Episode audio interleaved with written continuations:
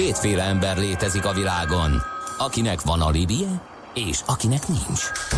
Az elsőnek ajánlott minket hallgatni, a másodiknak kötelező. Te melyik vagy? Millás reggeli, a 90.9 Jazzy Rádió gazdasági mapetsója. Ez nem animi, ez tény. Főtámogatónk a GFK Hungária Kft. GFK, a technológia alapú adatszolgáltató. Jó reggelt kívánunk!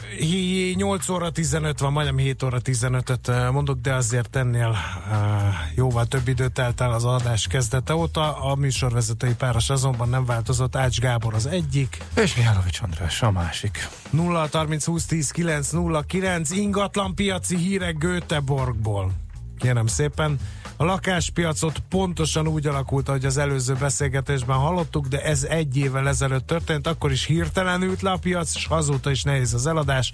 A vevőknek áll a zászló, saját magam is átéltem, írja Kati hallgató most nem akarok kárőrvende lenni, de a proféta beszéljen belőle, hogy ugyanaz legyen Magyarországon. Jó, te poziból beszélsz, mert elszaladt a piac előled, és te venni szeretnél Igen. majd lakást, ha leesnek az árak. Hallott, Polish Airlines-ban a Polish úgy van kiejtve, mint a polírozás. Az én lengyel fülemnek gyalázatos, írja a hallgató.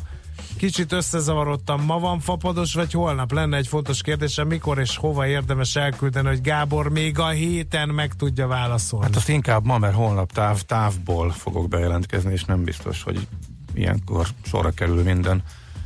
Igen. SMS, úgyhogy uh, inkább ma küld. Légy szíves. Jó, na, uh, haladjunk tovább. Figyelem! A nemzetközi helyzet egyre fokozódik. Ne közlekedj üzleti szemellenzővel a nagyvilágban. Aki napra kész és szemfüles, az megtalálhatja a lehetőségeket nemzetközi környezetben is. Cégstruktúrák, adótervezés, adóegyezmények és vagyonvédelem. Ebben segít a Nemzetközi Vagyontervezésről kristálytisztán. A Millás reggeli pénzügyi panoráma rovata. Itt a stúdióban dr. Magyar Csaba, a Crystal Worldwide ZRT vezérigazgatója.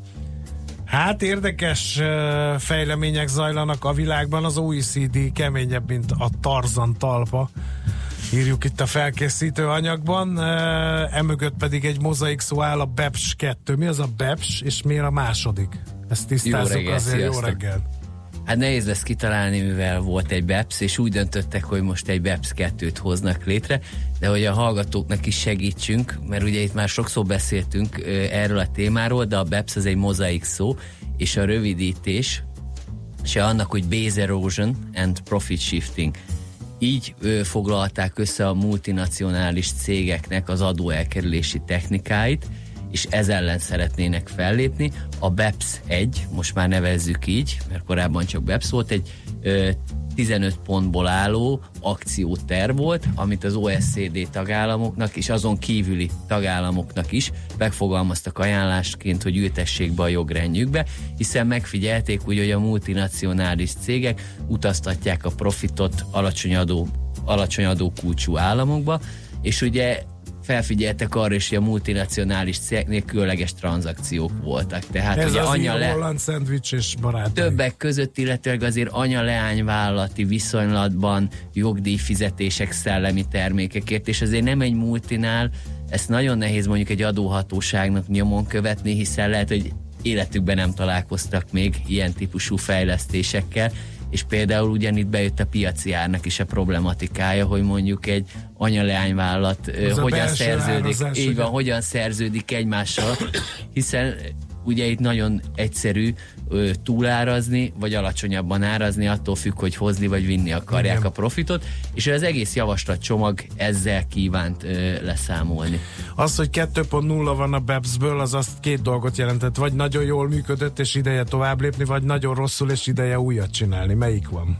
Hát úgy gondolták, hogy ideje tovább lépni, és leginkább a digitális gazdaságnak az adóztatása Hoppá. merült föl, de hát ugye ez nem mai keletű dolog, mi is számtalanszor beszélgettünk már erről a témáról. Hát vannak türelmetlen országok, például a franciák, azok nem várták meg ezt a dolgot, hanem bevezették a, a Google, meg a többi ilyen tech óriásra vezetett adót, De most úgy tűnik, hogy az meg repedezik az a történet, hogy... Hát ugye az Egyesült Államok neki Igen. ment ennek a történetnek, ugye Donald Trump is találkozott Macronnal, és utána Macron nyilatkozott, hogy megállapodtak arról, hogy mehet ez a digitális adó, majd erre Trumpnak a nyilatkozata az volt, hogy nem állapodtak meg semmiről, maximum csak azt ugye megerősíteni, hogy jó borokkal kínálták a feleségét a találkozó során és ugye az Egyesült Államok pedig igyekszik bevédeni ezeket a tech uh-huh. cégeket. Franciaország meg akar őket adóztatni.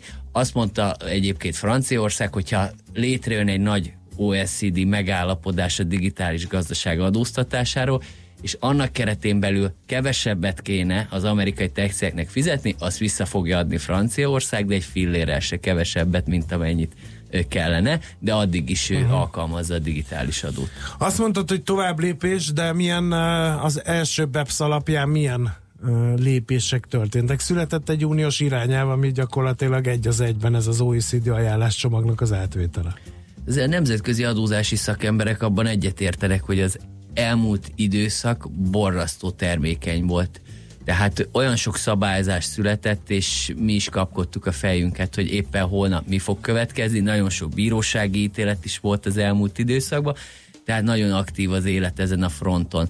De eleve már a BEPS 1 is felforgatta a meglévő viszonyokat, hiszen ugye ennek is része volt ez az úgynevezett automatikus adatcsere, magyarán ugye a banki adatszolgáltatás a külföldi számlákról, ezen kívül ugye az Európai Unióba elfogadták a BEPS alapján ezt az úgynevezett adóelkerülési irányelvet, ami érintette a jogdíj struktúrákat, a kamat levonhatóságnak a tilalma is megjelent, ezen kívül ugye az offshore cégekre, vagy magyarán az ellenőrzött külföldi társaságokra is elfogadtak szabályzást, és ezt Európai Uniós szinten egységesítették. Tehát korábban mondjuk Csehországban, Franciaországban, Magyarországon eltérően minősítették ezeket a struktúrákat, viszont az uniónak a BEPS alapján az volt az elképzelés, hogy ez az összes uniós tagállamban egységes legyen. Magyarán mindenki annyi társági adót alkalmaz, vagy vet ki a vállalkozásokra, amennyit akar, tehát Magyarországon is maradhat a 9 de a szabályozás az legyen hasonló az összes tagállamba. Nyilván itt van egy olyan elképzelés, hogy majd ezt is de próbálják egy kicsit harmonizálni, de azért ez heveny ellenállásba fog ütközni. Azon kívül ugye a transferárazás kapcsán bevezették ezt az országonkénti jelentéstételt, magyarán itt is adatcserét valósítanak meg, anyavállalat országából a leányvállalat országába küldhetnek adatot, és ugyanúgy ö, vissza. Ezen kívül ugye a luxemburgi botrány hatására pedig ezeket az úgynevezett feltételes adó megállapításokat angol rulingnak szokták nevezni, amikor az adóhatóság leírja egy adó struktúrára, hogy az összhangban van a szabályokkal, és csak ennyi adót kell fizetni. Na ezeket is ki kell cserélnie most már a tagállamoknak, tehát hogyha mondjuk egy luxemburgi cég, de magyar érdekeltségű, akkor ezeket megoszthatják Magyarországon. Most felsoroltál jó pár ilyen intézkedést. Melyiknek volt a legnagyobb piaci hatása szerinted? Mi eztet rá legjobban a, az adóoptimalizációt folytató vállalkozásokra? Hát, hogyha ö, azt nézzük, hogy mekkora adminisztrációval és költséggel járt ez az egész, akkor azt mondhatnám, hogy ez a automatikus banki adatcsere volt az egyik legnagyobb falat, hiszen ugye egyrészt ezt piaci szereplőkre telepítették, magyarán a bankokra, nyilván az adóhatóság is benne van ebben a történetben, ők cserélik ki az adatot, de hát a bankoknak ez is sok nyomtatvány, oktatás, compliance, még vegyünk IT fel embereket, hogy ezt az egészet igen. intézzék IT fejlesztés. És a legnagyobb problémám nekem ezekkel az intézkedésekkel az, hogy mindig gyönyörű szépen leírják, hogy az intézkedéstől milyen hatást várnak, mennyivel fognak növekedni az adóbevételek, de nem látom a visszacsatolást, hogy lámlám az automatikus adatcsere hatására ennyivel növekedett az elmúlt időszakban. Épp ezt akartam kérdezni, hogy bármi hatását érezni ennek? Hát nem mutatnak be erről tanulmányokat. Ugye azt leírják, hogy nagyjából mennyibe fog kerülni, és azért itt komoly összegek repkednek a levegőbe, de nem látom a visszacsatolást, hogy ennyit sikerült megtakarítani. Ugye ennek a banki adatcserének is az egyik célpontja Svájc volt, hogy onnan kiugrasszák a vagyonokat, de a múltkor beszéltünk ugye ezekről a fantom befektetésekről, ahol szintén nagyon sok tanulmány leírta, hogy azért nem csökkent Svájcban az elhelyezett betéteknek a száma, illetőleg azoknak az offshore pénzeknek a mennyisége. Úgyhogy ezért nem feltétlenül mondható azt, hogy sikeresek ezek az intézkedések. Ennek ellenére ugye haladunk előre, de nagyon nehéz most már lépést tartani. Azt mondom, hogy ugye Magyarországon az adóhatóságot is egy kicsit kritizálták, hogy túl hamar léptünk a digitalizáció útjára, és nehéz volt követni a könyvelőknek is, hogy mi történik. Most kicsit azt látom a nemzetközi adózásban is, hogy nagyon-nagyon robogunk előre, és még a szakembereknek is nehéz követni, uh-huh. hogy mi történik. Szóba hoztad Magyarországot, és ez egy magyar rádió műsor, úgyhogy meg kell kérdeznem, hogy a BEPS első részének volt bármi hatása Magyarországon? Akár az Hogyne. ügyeskedők szempontjából, akár mondjuk a nemzetközi versenyképességünk szempontjából, hiszen adó, kül- külföldről nézve, bármilyen hihetetlen, és sokszor beszélünk erről veled, Magyarország adóparadicsomnak számít. Hogyne, hát nagyon sok olyan vállalkozás van Magyarországon, amelyet érintett ez az átalakítás. Ö, például ugye a Magyarországon volt egy nagyon kedvező jogdíj rezsim, ami azt jelenti, hogy a, ami azt jelentette, hogy gyakorlatilag az adóalapot lehetett 50%-kal is csökkenteni, tehát 4,5% adó, és még onnan lefelé terhelte a jogdíjakat, ami azért mondjuk úgy, hogy nemzetközi szempontból azt mondjuk valakik, hogy 4,5%-ot vagy annál kevesebbet fizessél majd a jogdíjak után, akkor azért erre sokan ráugranak, ezért nem egy nemzetközi cég létrehozó struktúrát Magyarországon emiatt, ez például szintén ennek a változó szabályozási környezetnek a hatására meg kellett ö, változtatni Magyarországon. Uh-huh. Ezen kívül ugye most a, megint csak itthon is az ellenőrzött külföldi társág szabályai is változtak, tehát 2018-tól folyamatosan átültetik Magyarországon ezeket a szabályokat, és majd ö, az év vége felé úgyis tartunk majd egy ö, alkalmat arról, hogy konkrétan Magyarországon milyen nemzetközi adózási szabályok változtak, de ö, Magyarországot is hátrányosan érintik ezek a lépések, hiszen ö, Magyarország az adóversenyben érdekelt, tehát ugye nekünk az adórendszerünk alkalmas arra, hogy megfogjuk a nemzetközi tőkét, viszont ezek a lépések nem feltétlenül tesznek jót, és még egy gondolat, hogy nem mindegy, hogy hogyan implementáljuk ezeket a szabályokat. Tehát mondjuk biztosak lehetünk abban, hogy Luxemburgban, vagy éppenséget Cipruson, amikor ezeket az uniós direktívákat át kell ültetni a gyakorlatba, akkor egy elég komoly szakértői gárda, beleértve a piaci szereplőket is összeül, hogy hogyan ültessük át ezt úgy, hogy az országunk megőrizze a versenyképességét más európai országokhoz képest. Érdekes helyzet, muzsikáljunk egyet, aztán jövünk vissza a következő körrel. Témánk a OECD adóelkerülést visszaszorítani kívánó csomagjának második része, vendégünk pedig dr. Magyar Csaba, a Crystal Worldwide ZRT vezérigazgatója.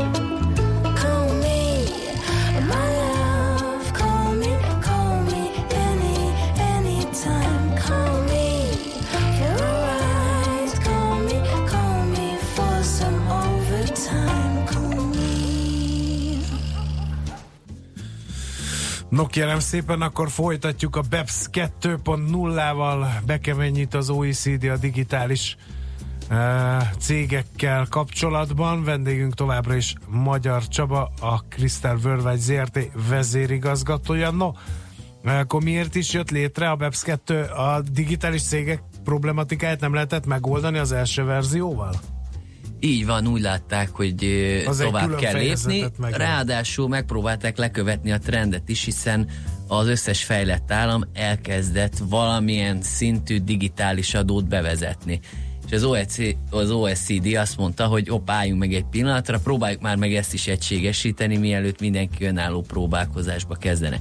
De hogy a, a hallgatóknak is átmenjen, hogy miről van szó, igazából ezt úgy kell elképzelni, mint hogyha millás reggeli, ő sugározna ugye Szlovákiába is, és nagyon sok szlovák hallgató lenne, és ugyanúgy jönnének a hirdetők, viszont Szlovákia pedig azt mondaná, hogy hát kérem szépen, ez a szlovák piac, és nem Magyarországon adózzanak azután, hogy nagyon sok szlovák hallgató is hallgatja ugyanazokat a reklámokat, hanem jelentkezzen be mondjuk Szlovákiába is a millás reggeli, és fizessen ott társági adót, többet, mint mondjuk Magyarországon, hát mert, nem mert sok szlovák hallgató igen. van, és ugye ugyanúgy a ö, online hirdetőknél is, meg kereső ö, oldalaknál is azt mondták, hogy ugye mivel a felhasználóknak a többsége azon a célpiacon van, ezért fizessenek már oda is valamennyi adót, ne a Bermudákon, meg a Bahamákon, ahol igaz, hogy ott van néhány informatikus, akik ezt az egész rendszert kezelik,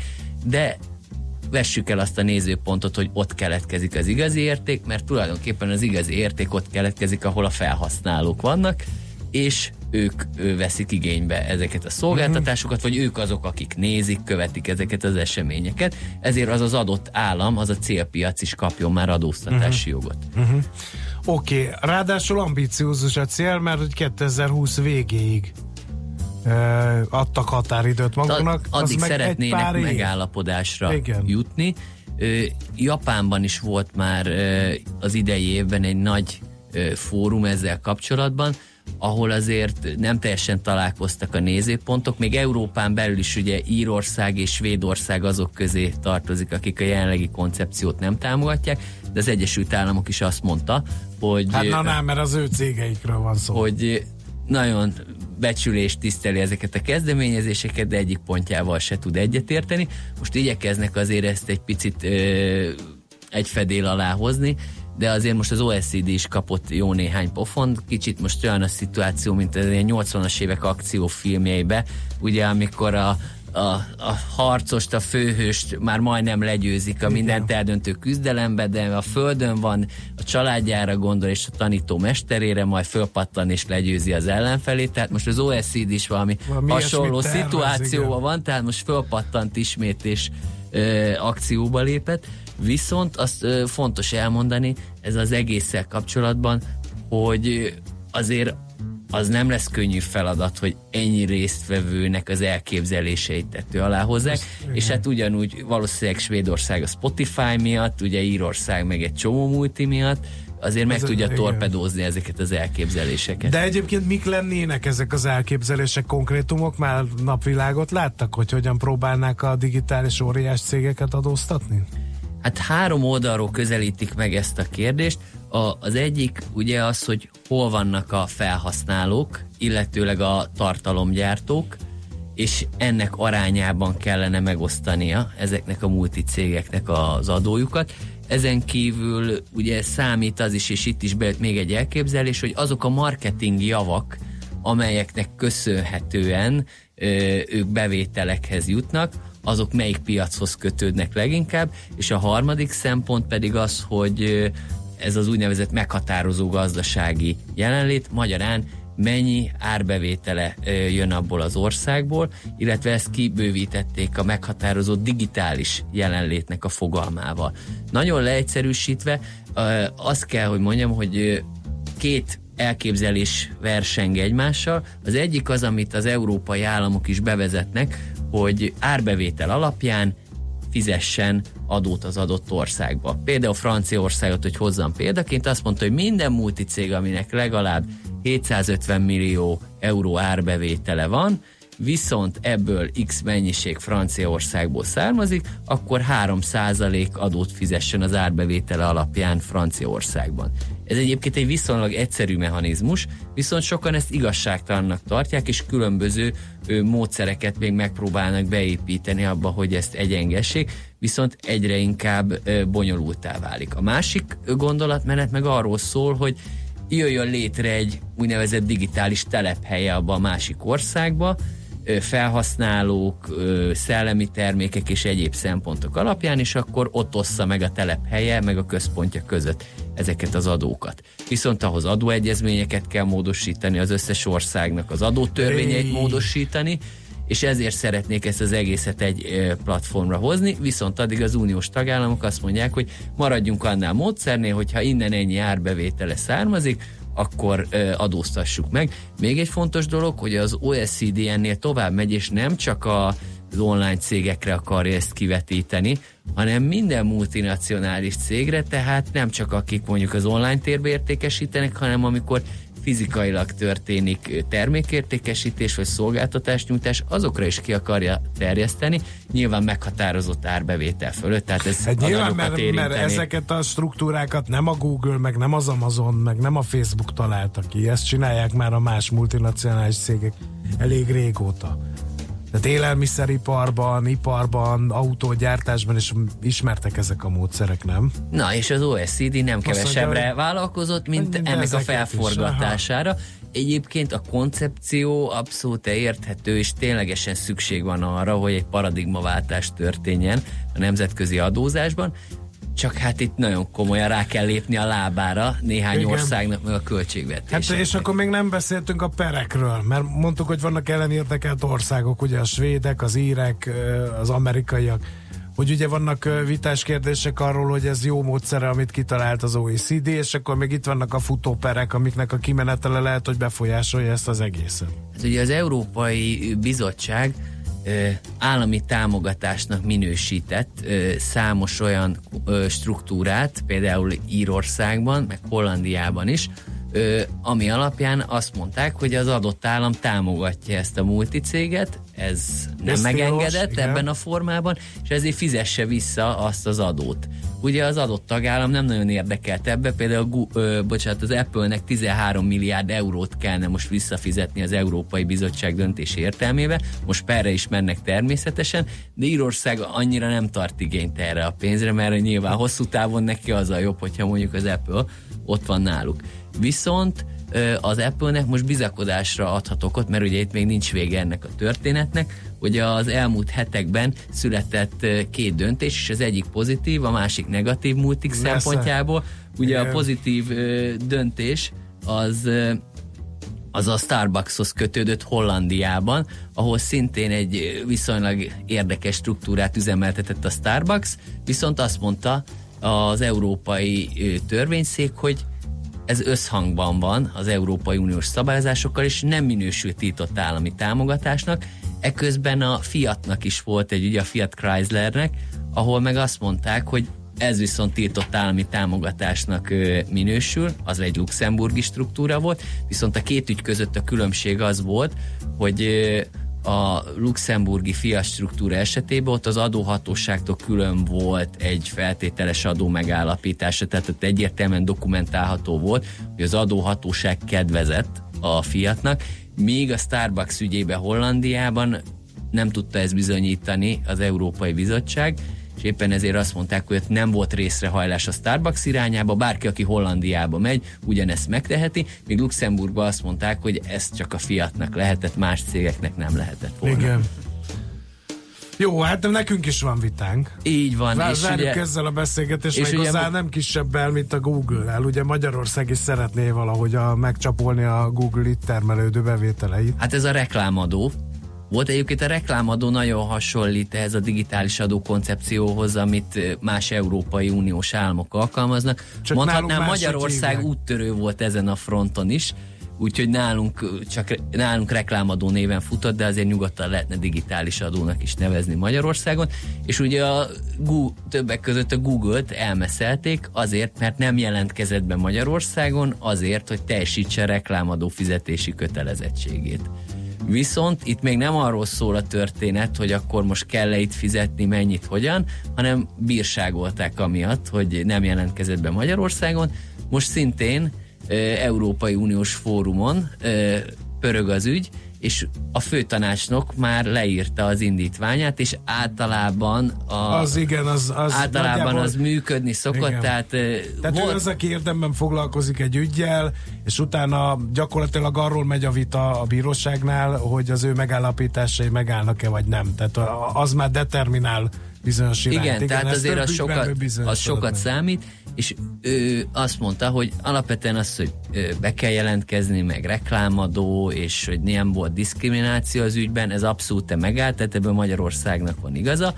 Viszont túlzó mértékű a bírság, mert mondjuk más magyar cégekhez képest, hogy helyet mulasztanának, a külföldinek 2000-szeres bírságot kell fizetni, és ő ebből az irányból közelítette meg, úgyhogy majd meglátjuk, mi lesz a történet vége, de a bírságot mindenképpen túlzónak találják, de ez megint csak még az első lépés, mert ugye még érdemben nem is a reklámadónál tartunk, hanem még a bejelentkezési mizériánál, úgyhogy megint csak azt lehet mondani, hogy ugye a nemzetközi helyzet egyre fokozódik az adózás területén is, úgyhogy az elkövetkezendő hetekben még sok minden fog Se történni. baj, legalább lesz témánk, és megint meghívhatunk a stúdióban. Nagyon szépen köszönjük, érdekes volt így bepillantani a kulisszák mögé.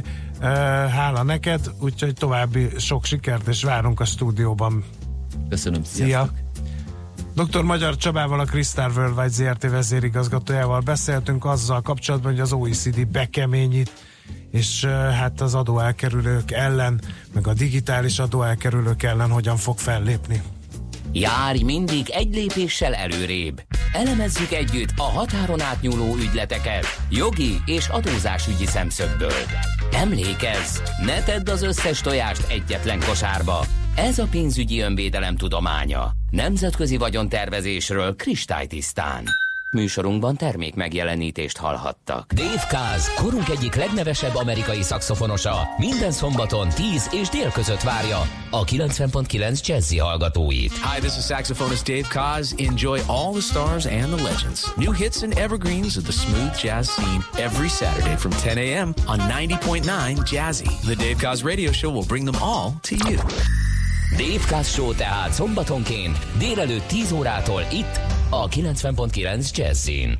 Érdekel az ingatlan piac? Befektetni szeretnél? Irodát vagy lakást keresel? Építkezel, felújítasz? Vagy energetikai megoldások érdekelnek? Nem tudod még, hogy mindezt miből finanszírozd? Mi segítünk! Hallgasd a négyzetmétert, a millás reggeli ingatlan rovatát minden csütörtökön reggel fél nyolc után pár perccel.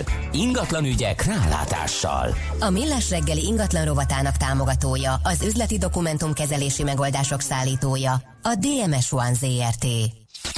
Reklám Jó vezetést kíván önnek a Budget Fleet Solutions.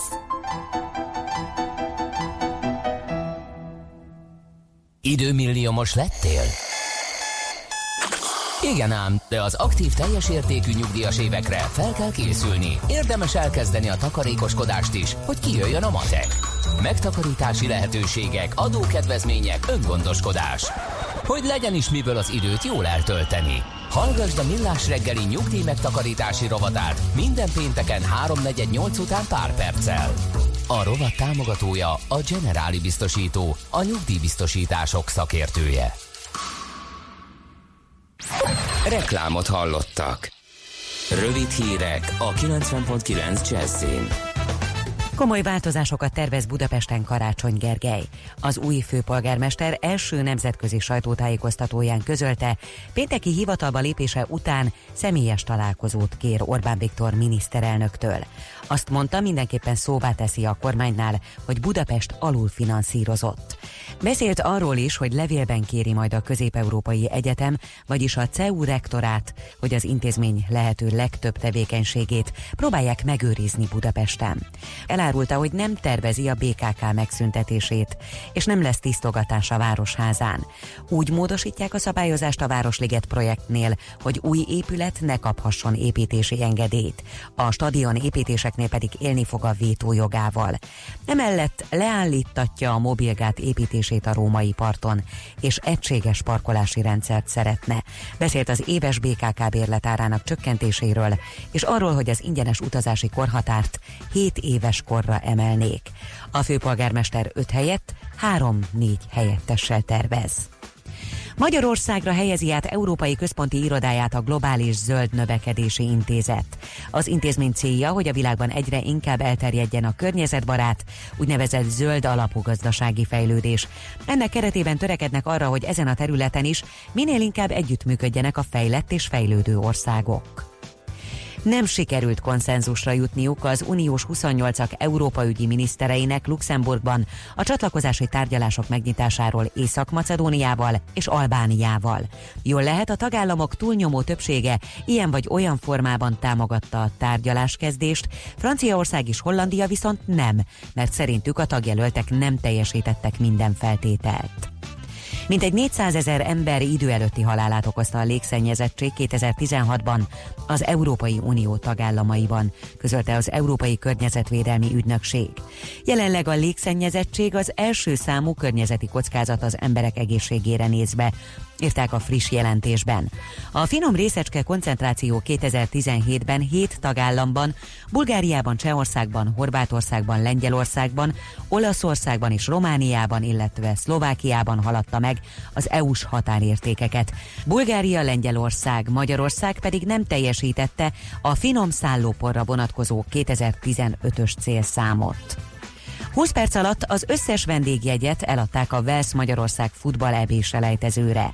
A mérkőzést november 19-én rendezik Cardiffban, amennyiben a magyar együttes megnyeri a meccset, kijut a jövő évi, részben hazai rendezésű Európa-bajnokságra. A Cardiffi összecsapást 1600-an nézhetik meg a vendégszektorban.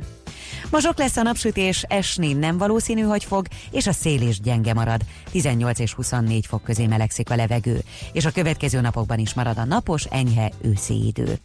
A hírszerkesztőt Schmidt-Tandit hallották. Friss hírek legközelebb, fél óra múlva. Budapest legfrissebb közlekedési hírei, itt a 90.9 jazz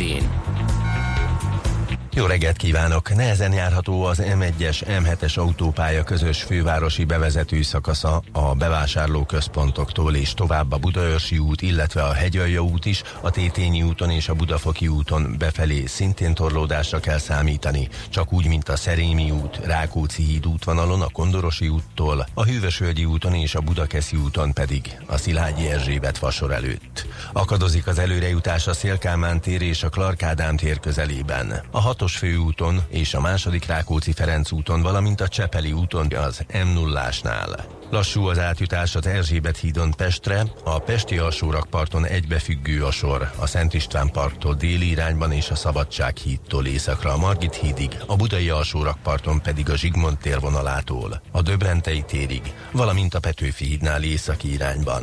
Telített a Rákóczi út a Barostértől befelé, az uglói bevezető utakon szintén fennakadásra kell készülni csak úgy, mint a Soroksári úton, az Illatos úttól, a Boráros térig, továbbá a Nagykörúton és a Hungária körgyűrűn a nagyobb csomópontok közelében. Varga Etele, BKK Info. A hírek után már is folytatódik a millás reggeli, itt a 90.9 jazz Következő műsorunkban termék megjelenítést hallhatnak.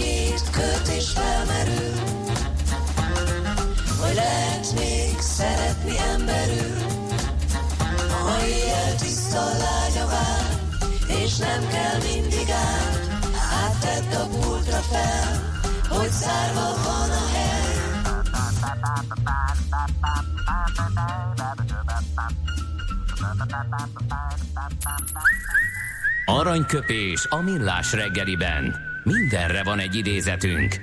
Ez megspórolja az eredeti gondolatokat. De nem mind arany, ami fényli. Lehet kedvező körülmények közt gyémánt is. 1915. október 17-én született Arthur Miller drámaíró, neki szenteljük a mai aranyköpés rovatunkat. Ő ezt mondta egyszer, egy korszaknak akkor van vége, amikor az alapját képező illúziók elpárolognak. Aranyköpés hangzott el a millás reggeliben. Ne feledd, tanulni ezüst, megjegyezni arany. A műszer neked egy fal, a sebesség egy váltó, a garázs egy szentély. Zavar, ha valaki elbetűvel mondja a rükvercet.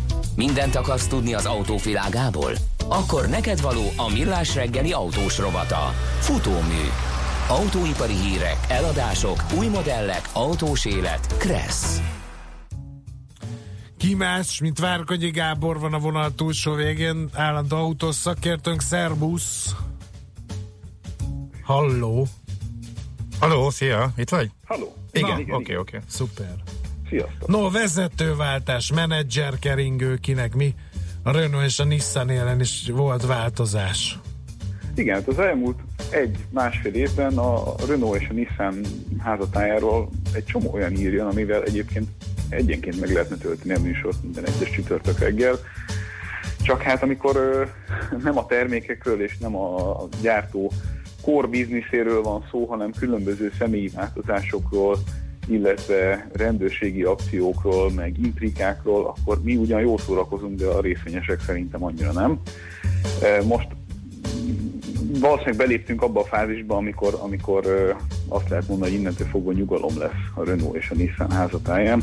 Ugye mindent vissza kell vezetni arra az eseményre, ami Carlos Ghosn korábbi vezérnek a letartóztatásáról szól, ugyanis a mostani Renault vezér, aki januárban vette át a stafétabotot, az ő emberének, az ő jobb kezének számít, és amíg ő ott ebben a pozícióban intézte a Nissannal kapcsolatos házassági ügyek megoldását, addig, addig az egész egy picit olyan feszültségekkel teli, és uh-huh. nem feltétlenül egyértelmű helyzetet eredményezett, aminek most az lett a vége, hogy őt beáldozták, és az előző Nissan vezért is beáldozták, és mind a két cég élén van egy új vezető, amivel talán lehet egy olyan üzenetet küldeni akár a részvényesek, akár a cég dolgozói felé, hogy akkor innentől fogva egy, egy rendezettebb körülmények közötti megbékélésen alapuló a, a napi autógyártási üzletágat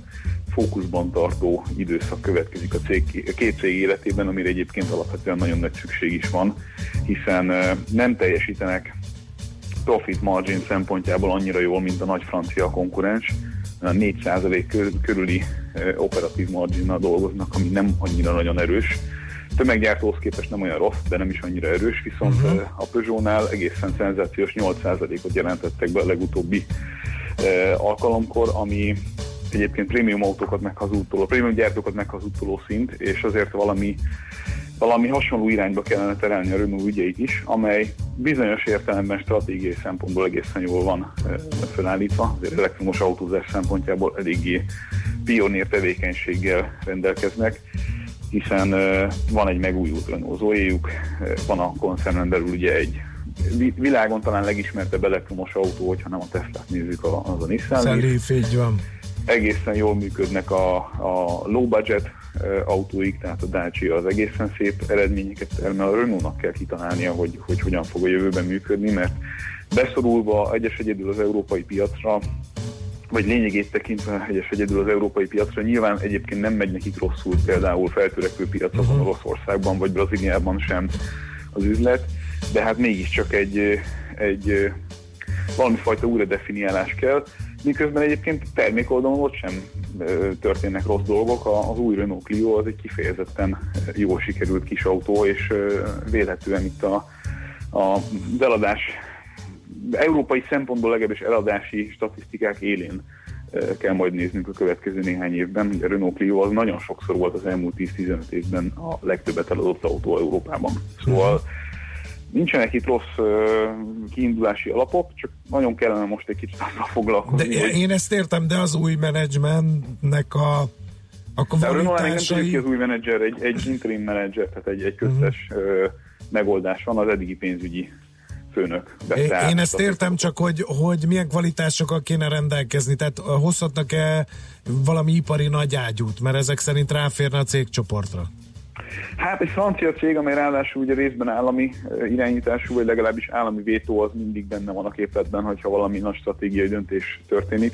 Ugye itt a, a, a nyári fiátos összeolvadás is ennek kapcsán jósult meg állítólag, de valószínűleg sose fogjuk egész pontosan megtudni. Tehát nyilvánvalóan francia ember lesz a cégérén, ez is teljesen egyértelmű, és hogy, hogy mely iparákból és hogyan házon belül, vagy konkurenciától, hát ez egy nagyon jó kérdés. Az biztos, hogy hogy a, Renault-ban több a politika, mint, mint, mint, a, mint mondjuk a Peugeot-ban. Tehát amikor, amikor személyi döntésekről van szó, akkor, akkor ez szerintem érdemes ismerni jobban a francia belpolitikát is, mert, mert, mert biztos, hogy van köze a, a dolgokhoz. Uh-huh. Annak, hogy ott ki lesz. Ahogyan egyébként a, a Nissan kapcsán is azt lehet olvasgatni, hogy azt még kevésbé ismerem ilyen szempontból, tehát mikor a japán belpolitikában aztán abszolút nem vagyok képben, de, de a, ott is azt lehetett olvasni, hogy egy, egy simulékony, nem annyira japán e, típusú, nem annyira nem annyira a japán hagyományoknak megfelelően, inkább egy ilyen világlátottabb európai elebb gondolkodású menedzser került az eddigi kifejezetten japános irányvonal helyére. Uh-huh. Úgyhogy valószínűleg ez, ha, ha emellé találnak egy olyan Renault aki egyébként ezt a, ezt a házasságot egy picit tényleg nyugodtabban és kevésbé erőből uh, diktálva uh, próbálja egyben tartani, akkor egy simulékonyabb időszak következhet, és ez nagyon fontos mind a két cég szempontjából egyébként, hogy, hogy ez a stratégiai partnerség fennmaradjon. Uh-huh mind a kettő rosszabbul lenne felállítva hosszabb távon, hogyha, hogyha nem lenne ez a partnerség. Mm-hmm. Oké, okay, és, és most itt tegyünk ki egy gondolatjelet, jelet, és folytassuk a beszélgetést, amint eldől, hogy ki lesz a kormányrúdnál. Egy nagyon-nagyon rövid hír, de tényleg... A törököknél, a Volkswagen. Így van, így van. A Volkswagen ugye bejelentette, hogy egy nagy gyárat, egy multibrand gyárat szeretne létesíteni Törökországban, amit eredetileg egyébként Bulgáriával megállapodva hoztak volna létre, aztán utolsó pillanatban mégiscsak Törökország mellett döntöttek, aztán ezt a döntést végül felfüggesztették, per elnapolták a szíriai helyzetre való tekintettel, és nehezen tudom elképzelni, hogy amikor a német politika megtiltja a német hadiparnak, hogy Törökországnak adjon el dolgokat, akkor nem fog beleszólni a szintén részben állami gyárt, vagy állami tulajdonú Volkswagen életébe annak kapcsán, hogy vigyen egy ekkora mértékű beruházást Törökországba, vagy sem. Szóval okay. nem nem tennék erre nagy pénzeket. Rendben, köszönjük szépen! Szép napot, szia! Szép napot, szia! Várkonyi Gábor állandó autós szakértőnk beszélt arról, hogy milyen hatása lehet, vagy miért, milyen feladatai lesznek a Renault Nissan új menedzserének, új top menedzserének. Most lefarkolunk, de jövő héten megint indexelünk és kanyarodunk, előzünk és tolatunk a Millás reggeli autós rovatában. Futómű a világ négy keréken. A Futómű rovat támogatója a Budapest Autósó 2019 szervezője a HVG kiadó ZRT.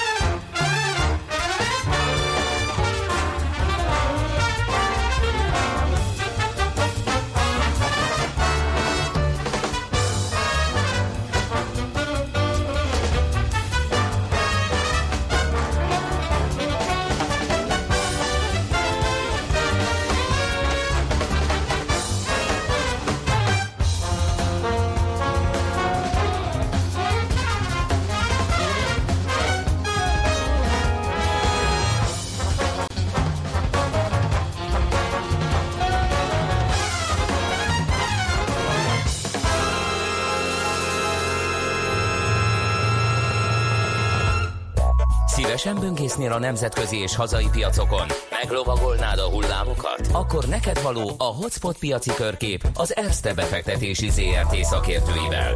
Gyors jelentések, gazdasági mutatók, események. Nálunk mindent megtalálsz szakértőink tolmácsolásában.